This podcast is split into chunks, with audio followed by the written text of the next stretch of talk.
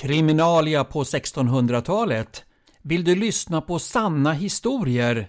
Olika rättsfall som handlar om mord, dråp och dödsdomar runt omkring på Falbygden. Jag misstänkte väl det och därför så kommer jag läsa upp åtskilliga sådana ärenden, både långa och korta och sådana som slutar med avrättning eller att de blev frikända. Sånt vet man aldrig i förväg.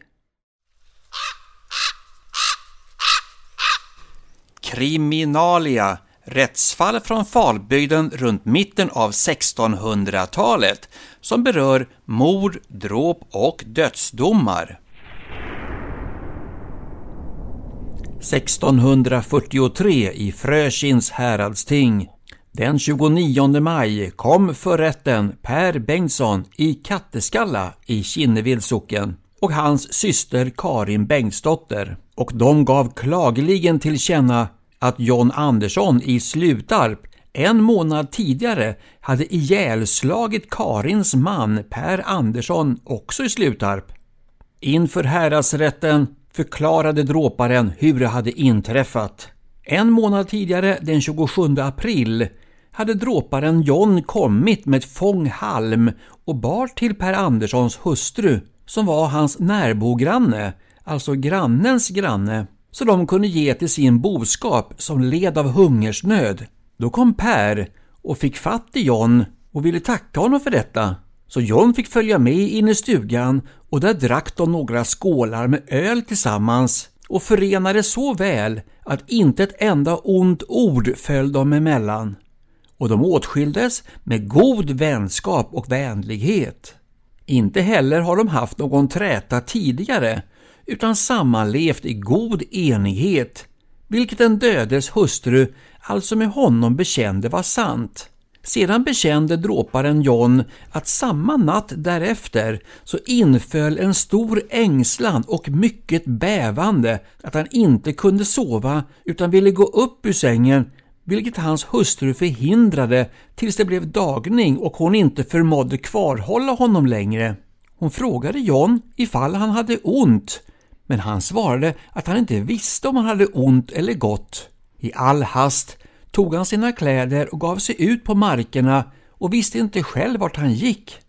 Men kom tillbaka och lade sig på sängen och det var som om allting svartnade för honom och som ifall han föll ifrån sitt rätta sinne med stor ängslan och samvetskval eftersom han inte kunde få någon ro att ligga still.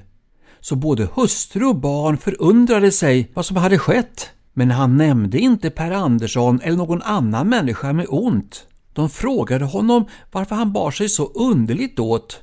Men för det mesta så teg han och ibland så svarade han att han inte visste själv vad han ville. Men då gick han upp ur sängen och skulle gå ut. Men när han kom fram till förstugans dörr så satt en stor korp strax intill dörren på en hög med huggen ved och den ville inte flyga undan förrän han talade och bad den fara skam i våld varvid den flög upp och satte sig på en gärdsgård. Det var precis där man kunde gå över hängnaden i riktning mot Per Anderssons gård. I detsamma så kände han att han blev alldeles vettlös och han visste inte vart han gick eller vad han gjorde utan fortsatte bara att styra sina steg dit korpen flög emot sin grannes gård. Och när han kom dit så satt Per Andersson på sin loge och hackade sönder halmen till sin boskap. Då kom dråparen John till honom, vilket även Per Andersson vittnade om på sitt yttersta. Och då sa John, jag ser på dina oxar att de är hungriga, för de stod där intill ladan. Och John gick fram till Per för att se lite bättre, så att Per vek sig undan så John kunde komma fram och se vilket foder han hade gett till sina oxar. Men när John kom fram till Per slog han honom i sidan med en kniv och därmed slog han sönder hans inälvor. Genast stack han sin kniv i slidan igen och gick mot logen hem till sin stuga och tog ett par handskar och en liten käpp i handen skyndade sig ett gott stycke ut på gärdet. Där satte han sig på en sten medan Per gav sig av från logen upp i sin stuga till sin säng varefter han levde ett enda dygn. Och han undrade ju själv vad som var å färde med John att han hade gjort honom en sådan livsskada eftersom ingen träta eller ovänskap fanns dem emellan. När John satt på stenen kom hans granne och sade vad han hade gjort. Då öppnades Johns sinne så att han förstod vad han hade gjort och han fattade genast ånger i hela sitt hjärta när gärningen öppnades för honom, vilket han inte hade känt tidigare. Då begav han sig iväg några dagar undan i skogen och gömde sig hos sina släktingar och vänner.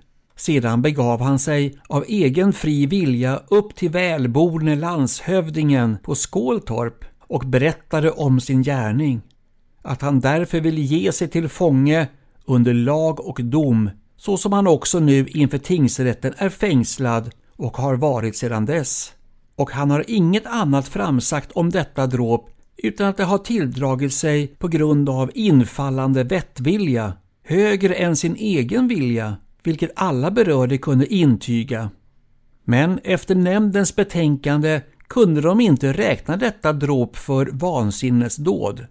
Därför sakfälldes han efter Guds lag, Exodus och Andra Moseboken, liksom Levitus och Tredje Moseboken, såsom också med Sveriges landslag att ge liv för liv, såvida han inte njuter höga överhetens nåd, eftersom han har varit en gammal korpral i kronans tjänst under fotfolket och ingen kan bevisa inom landet eller utom att han har fört något överdådigt leverne utan levt tidigare i all ro och stillhet. Göta hovrätt två veckor senare, den 12 juni 1643, John Andersson, dråpare. En dom från Frökins härad över John Andersson i Slutarp, vilken i raseri och ovettighet har ihjälslagit sin granne Per Andersson i Slutarp. Den dödes målsägare ber för dråparens liv, som av häradets ransakning och böneskrift är skärskådad. Beslut Eftersom detta dråp är begånget av raseri och hastigt påkommen ovettighet. 2. Har inte varit någon avund eller träta mellan den döde och dråparen. 3. När han kom till sitt förstånd igen ångrade han dråpet och godvilligt gett sig i fängelset. 4.